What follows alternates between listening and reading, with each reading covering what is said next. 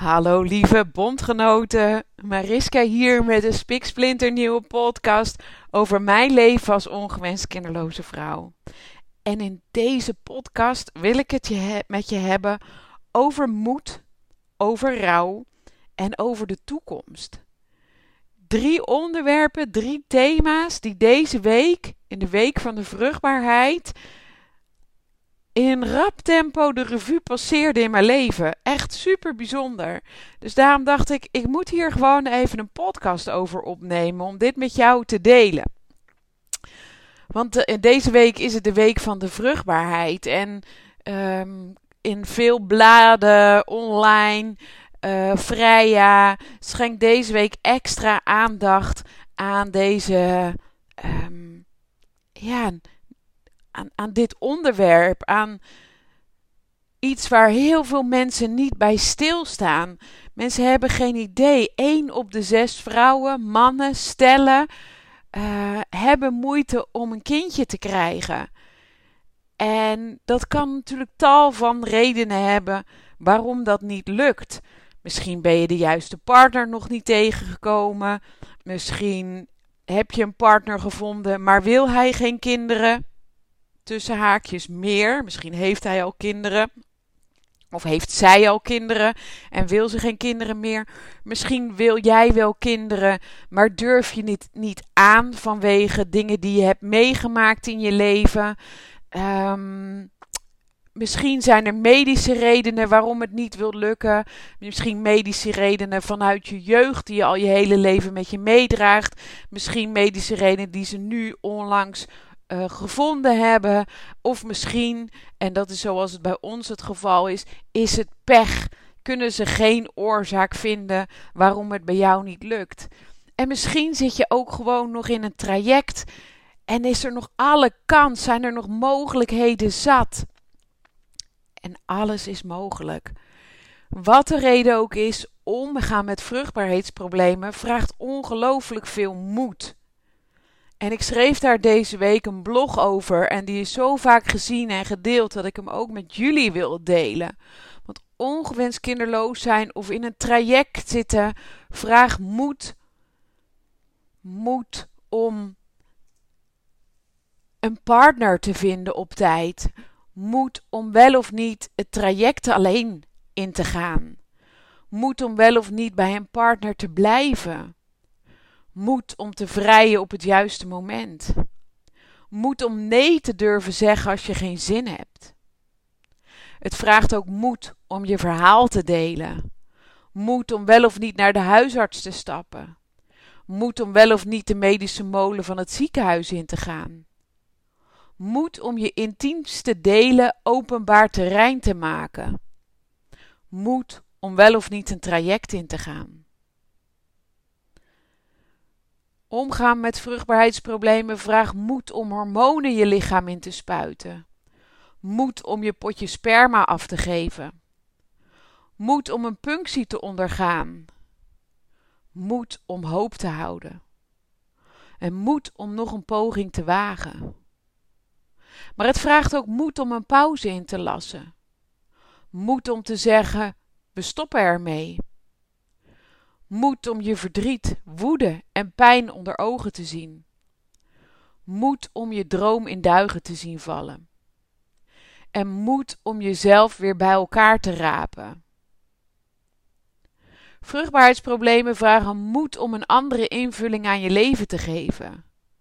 Moed om wel of niet te kiezen voor pleegzorg of adoptie. Moed om je te verdedigen wanneer je hier niet voor kiest moed om op een feestje te vertellen dat je helaas geen kinderen hebt gekregen. Moed om te dealen met een vanzelfsprekendheid die niet voor iedereen vanzelfsprekend is. Het vraagt moed om moedig te zijn. Moed om het verdriet te integreren in je leven. Moed om het verdriet te accepteren. Moed moed. Ongelooflijk veel moed. En ik neem echt oprecht mijn petje af voor al deze moedige mannen en vrouwen die moedige keuzes hebben te maken. Echt, ik voel je, ik hoor je en ik zie je. Ik weet hoe het is om hiermee te worstelen. Om iedere keer een afweging te maken. Doe ik het wel, doe ik het niet? Gaan we verder, gaan we niet verder? Ga ik het alleen doen? Wil ik dit allemaal nog wel? Willen we dit allemaal nog wel?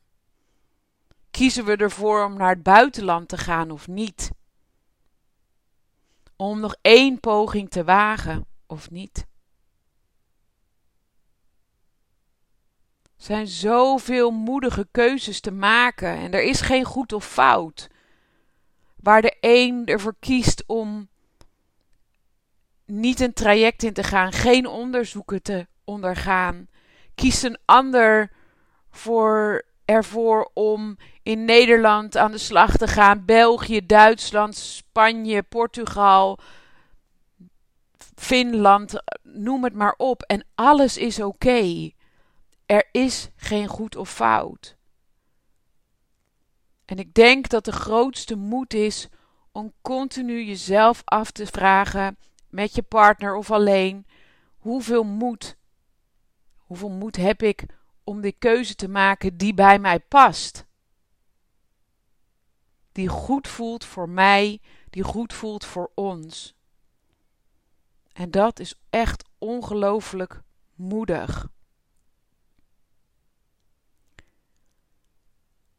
En als je de keuze kan maken, want er zijn ook vrouwen, mannen die die keuze niet kunnen maken omdat uh, medische reden zijn, omdat een partner echt niet wil, om, nou, ik, ik, omdat je de partner niet hebt en je wilt het niet alleen doen. Je, daar, ook daar is geen oordeel op. Dat is allemaal een keuze.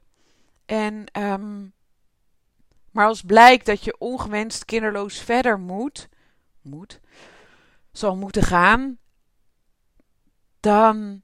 Um, en eigenlijk ook al in een traject, dan krijg je te maken met rouw. Rouw van iets wat je zo graag gewild hebt, of waarvan je hoopte dat het makkelijk af zou gaan, en dat gebeurt niet. Rouw kent heel veel facetten. Weet je, we denken bij rouw vaak aan um, iemand die overleden is. Dan kom je in de rouw. Maar rouw is ook wanneer je uh, te maken krijgt met een scheiding. Wanneer een vriendschap kapot loopt. Wanneer je uh, ontslag krijgt of ontslag neemt. Wanneer je verhuist en een, en een plek achterlaat. Allemaal vormen van rouw kunnen hier optreden. Of de vormen die treden niet op, maar het zijn allemaal momenten waarbij je te maken krijgt met rouw. En zo ook met het niet van, de, als het niet vanzelfsprekend is om een kindje te krijgen. Als je een traject ingaat en als blijkt dat het niet lukt. Ook dan heb je te maken met rouw. Intense rouw. Ik heb een, uh, en dat is voor een podcast natuurlijk, kan ik je dat niet laten zien. Maar ik mocht afgelopen week een, um, voor Freya een sessie geven over rouw. En ik had een. Um, ik had de seizoenen, een mooie illustratie van de seizoenen: de lente, de zomer, de herfst en de winter. En daar rondomheen heb ik allemaal woorden gezet die te maken hebben met het proces. En dat wil ik eigenlijk met je delen aan de hand van mijn eigen verhaal. Het proces hoe rouw eruit ziet. Hoe, die, hoe je iedere fase doorloopt. En er is geen eenduidige richting. Het is niet voor iedereen dat die precies zo geldt, maar het is een soort globale richtlijn. Weet je, want je begon ooit, wij begonnen ooit met een wens. Ik wilde heel graag moeder worden. Dat wist ik al heel jong. En die wens die wordt sterker en sterker. En ik vond Hans, mijn, mijn man en, en mijn maatje. En we, we, kochten het, een huis. En op een bepaald moment waren we er klaar voor. We wilden wel een gezinnetje stichten in dit huis. En we gingen het verbeelden. We zagen al het kamertje voor ons. We, we zagen al een leven voor ons aan een grote tafel. Veel kindertjes. Allemaal zagen we het voor ons. En we konden het ook echt geloven. Tot in, ons, tot in onze ziel konden we geloven dat wij een mooi gezin zouden zijn. En op een gegeven moment ga je het plannen. Op een bepaald moment ga je denken: Nou, als dit of dat is gebeurd, ik kan me niet meer herinneren waarom, maar op een goede dag hadden we bedacht: dan stoppen we met de pil. We namen het besluit en we kwamen in actie. We deden de pil in de prullenbak. En ja, weet je, we waren jong en waren gek op elkaar en we waren er nog helemaal niet zo mee bezig. Dus je hebt uh, intimiteit met elkaar. En um, ik hield wel vrij snel al een soort dagboekje bij. En, en voor mezelf, om, uh, ja, om, om, om het mooi bij te houden en te kijken wat er zou gebeuren. En er gebeurde niks. En er gebeurde niks. En er gebeurde niks. En maanden gingen voorbij. En wij hielden nog onze mond tegen onze omgeving. Want ik hoopte dat ik ze kon verrassen met het nieuws dat we zwanger waren. Maar er gebeurde niks en er gebeurde nog niks. En na ongeveer een jaar ben ik naar de huisarts gegaan, of zijn we naar de huisarts gegaan. En um, gingen wij de medische molen in. En dat was behoorlijk volharden. Daarvoor moet je, zoals ik het net al zei, behoorlijk veel moed hebben. En nogmaals, ook als je ervoor kiest om niet een ziekenhuistraject in te gaan, heb je daar moed voor nodig. Want er is geen goed of fout voor welke keuze je dan ook maakt, als het maar een keuze is die bij jou past, die voor jou goed voelt. Dan is iedere keuze de beste keuze. Maar we moesten dus behoorlijk volharden om zes UUI-pogingen te doen, twee IVF-pogingen en een aantal extra terugplaatsingen. Dat was echt niet misselijk, dat was heftig, dat was een pittige tijd. En na de tweede IVF-poging en ik meen twee of drie extra terugplaatsingen, besloten wij om te stoppen te stoppen met het ziekenhuistraject. Ik wilde weer gaan leven, ik wilde weer gaan genieten, ik wilde weer leuke dingen doen, ik wilde het leven weer omarmen, ik wilde geen hormonen meer, ik wilde geen, geen echo's meer, ik wilde geen mensen meer tussen mijn benen. Ik was er klaar mee. En ook Hans vond dat oké, die was daar helemaal mee eens. Die vond het ook heftig. Die worstelde er ook mee, vooral om mij te zien die alles moest ondergaan. Dus we besloten te stoppen. Ik was rond de 30 en we konden altijd nog een poging doen. We hadden nog wel tijd. Maar voor nu was het genoeg geweest. En ik weet niet meer hoe precies hoe dat tijdspannen was, maar vrij snel daarna zat ik echt niet lekker in mijn vel. De wereld tolde om me heen. Echt, ik, lag in mijn bed en ik zag de lamp draaien. Ik voelde alsof ik te veel gezopen had en ik drink nooit. En het was echt niet fijn. En ik dacht alleen maar: ik word gek. Ik word gek. Je kan mij opsluiten, want dit gaat helemaal niet goed. Dus ik heb heel snel actie ondernomen en ik heb een coach in de arm genomen hier bij ons in de buurt. Een super lieve vrouw. En toch hield ik een muurtje om me heen. Ondanks dat ik heel goed kan praten, besef ik nu dat ik ergens nog niet bij kon. Ik dacht dat die paniekaanvallen, die ik ook voelde in de supermarkt, die ik ook voelde als ik onder de douche vandaan kwam en uh, naar mijn werk moest, dan stond het zweet. Ik was natter buiten de douche dan onder de douche. Zo stond ik te zweten, zoveel paniek voelde ik. En ik dacht, het komt door mijn werk. Ik maakte super lange dagen. Ik had best wel een verantwoordelijkheid. Ik. Um, ik ging maar door en ik ging maar door. En ja, weet je, ik realiseerde me niet dat dat kwam doordat wij een kinderwens hadden die niet vervuld werd. Het kwam gewoon door het harde werken, alle ballen in de lucht houden, perfectionisme. Mijn huis moest er picobello uitzien. Mijn hond moest genoeg voor beweging krijgen. Um, Mijn werk moest perfect, ik mocht geen fouten maken. En daarom had ik een soort burn-out, overspannenheid, paniek. Want als ik bij mijn coach was, dan kon ik heel goed vertellen: nee, het gaat hartstikke goed. Het ligt niet aan de kinderwens die niet wil lukken, want we zijn gezond en we hebben het goed samen en we kunnen allerlei andere leuke dingen doen. Nee, daar heeft het niet mee te maken. Het komt echt door dat harde werken. En, het, en zo voelde het op dat moment. Zo voelde het op dat moment. Het was levensecht. Later kon ik daarop terugkijken en realiseerde ik, nou, ik zat gewoon in een dikvet rouwproces. Rouwproces om een droom die in duigen was gevallen. Om een droom die ik zo, wat ik zo graag wilde worden. Ik had maar één wens in mijn leven. Ik wilde moeder worden. En dat was niet gelukt. En dat was rouw. Rouwe, rouw. Rouwe, rouw. En dan kom je in een fase van ongeloof, van ontkenning, zoals ik vertelde. Ik wilde het niet zien, ik stak mijn kop in het zand. Het lag aan het harde werken. En vrij snel ben ik ook weer aan het werk gegaan. Heb ik het weer rustig opgebouwd en kon ik weer aan de slag. ik heb er wel superveel van geleerd. Ik heb veel beter geleerd naar mezelf en naar mijn lichaam te luisteren. Maar dat heeft wel een tijdje geduurd hoor, voordat ik dat echt goed kon. In die fase kom je ook, krijg je ook te maken met woede, met angst, in mijn geval paniekaanvallen en verdriet. En dat verdriet is er in de loop der jaren steeds meer uitgekomen.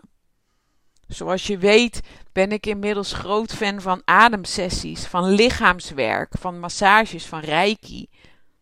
Maar voor met name het ademen heeft mij zoveel gebracht. Dat heeft echt ervoor gezorgd dat die pijn, dat die ik had heel lang het gevoel dat er een soort uh, steen op mijn maag lag.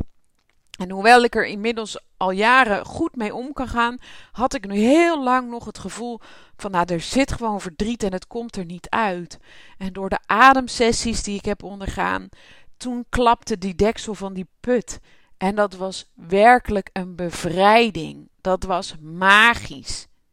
En sindsdien kan ik er nog kan ik met dit verdriet kan ik nog beter dealen. Ik heb er, ik heb er berusting in gevonden dat het is zoals het is. En dat wil niet zeggen dat ik er nooit meer door geraakt word. Dat dingen me nog steeds wel eens aangrijpen. Maar het doet niet meer zo ongelooflijk veel pijn. Ik kan er verdrietig om zijn en daarna ook weer doorgaan. En dan kom je op een punt dat blijkt dat je dit verdriet kunt integreren in het leven. Want het woord verwerken, hè, dat zeggen mensen, heb je het nou nog niet verwerkt? Verdriet, rouw, iets verliezen. En of dat nou een kindje is wat je in je armen hebt gehad, of een kindje wat in jouw hoofd geleefd heeft, maar er nooit is geweest, of een kindje dat in jouw buik gegroeid is, een stukje, maar helaas niet levensvatbaar was. Daarmee krijg je te maken ook met rouw. En rouw verwerk je niet. Het is niet dat als je tien uur gehuild hebt, dertig keer geschreeuwd heeft, bent, hebt en vijf maanden verder bent, dat je het dan het verdriet verwerkt hebt. Nee, nee, helaas was het maar waar. Je neemt het de rest van je leven mee. Altijd. Altijd maar je kunt het integreren in je leven. Het is kostbare bagage die in jouw rugzak zit en die je met je meedraagt. Altijd.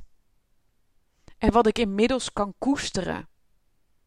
Kan koesteren door de lessen die ik eruit heb geleerd. Die ik erdoor gekregen heb.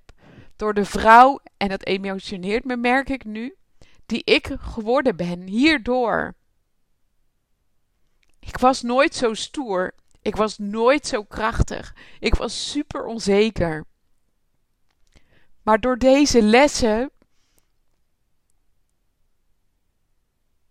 die ik mocht leren hieruit, en ik had ze liever ook niet geleerd op deze manier, maar het is zoals het is, ben ik nu wel die krachtige vrouw die deze podcast voor jou inspreekt. Omdat ik jou die moed gun. Die moed gun om met jezelf aan de slag te gaan, zodat je ook jezelf weer ehm, bij elkaar kunt rapen. Om ook jouw mooiste leven te leven, want dat doe ik inmiddels.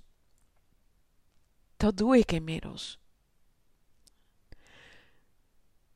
En het mooie daaraan is, en dat vind ik zo mooi aan deze week, waarin moed voorbij kwam, waarin rouw voorbij kwam, maar waar ook een enorme dankbaarheid en plezier in voorbij kwam. Want gisteren heb ik een dag. Mijn broer heeft drie meisjes. De een is drie, de ander is vijf en de ander is zeven. En het zijn heerlijke meiden waar ik super trots op ben. Super trots ben ik op die meiden. En dit jaar had ik bedacht, voor hun verjaardag geef ik ze één op één een dagje uit met mij. En zij mogen kiezen wat we gaan doen. Zij mogen beslissen. Het is hun dag met mij. En gisteren was de eerste dag met een van de meiden. En het eerste wat ze zei is: Ik wil met jou pony rijden. Nou, natuurlijk. Ik ben paardenmeisje. Als je mij kent, weet je het. Ik ben paardenmeisje. Al mijn hele leven. Dus ponyrijden, uh, ponyrijden, check. Gaan we doen. Cool. En wat wil je dan nog meer doen? Ik wil eigenlijk zwemmen. Nou, op donderdag zijn de zwembaden dicht. Dus dat was een beetje onhandig. Er zat een studiedag gisteren. Ik zeg, zullen we naar de bioscoop gaan? Oh ja. Dus we begonnen de dag met een kopje koffie drinken ergens met wat lekkers erbij. We gingen naar de bioscoop en we kochten popcorn en wat drinken. En we zaten samen naar de film van Sinterklaas te kijken. Zo leuk. Zo leuk. En vervolgens sprongen we in de auto, reden we naar mijn huis, uh, kleden we ons om of zij in de paardrijtenu, super stoer. En zijn we naar de manege gegaan waar zij dan een pony had op hummertje. En ik was zo trots. Zo ongelooflijk trots. En ik merk dat nu het verdriet daarvan loskomt omdat ik ook had gewild dat mijn dochter daar op de pony zat. Maar het was mijn nichtje. En ik was zo trots op haar. En zij reed daar met een big smile op haar gezicht, genietend. En ze had zo'n leuke dag. En na afloop sprongen we weer in de auto, reden we terug naar huis. Langs de McDonald's, wat ik zelf verschrikkelijk vind, maar zij wilde graag naar de McDonald's. Dat was haar feestje. Afronden bij de McDonald's. En we gingen naar huis.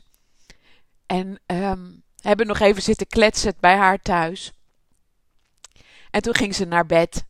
En ze was boven. En ik ging nog even naar het toilet. En ze stootte haar hoofdje. En ze moest huilen. En ze was natuurlijk dood en doodmoe. Want we hadden zo'n mooie dag gehad.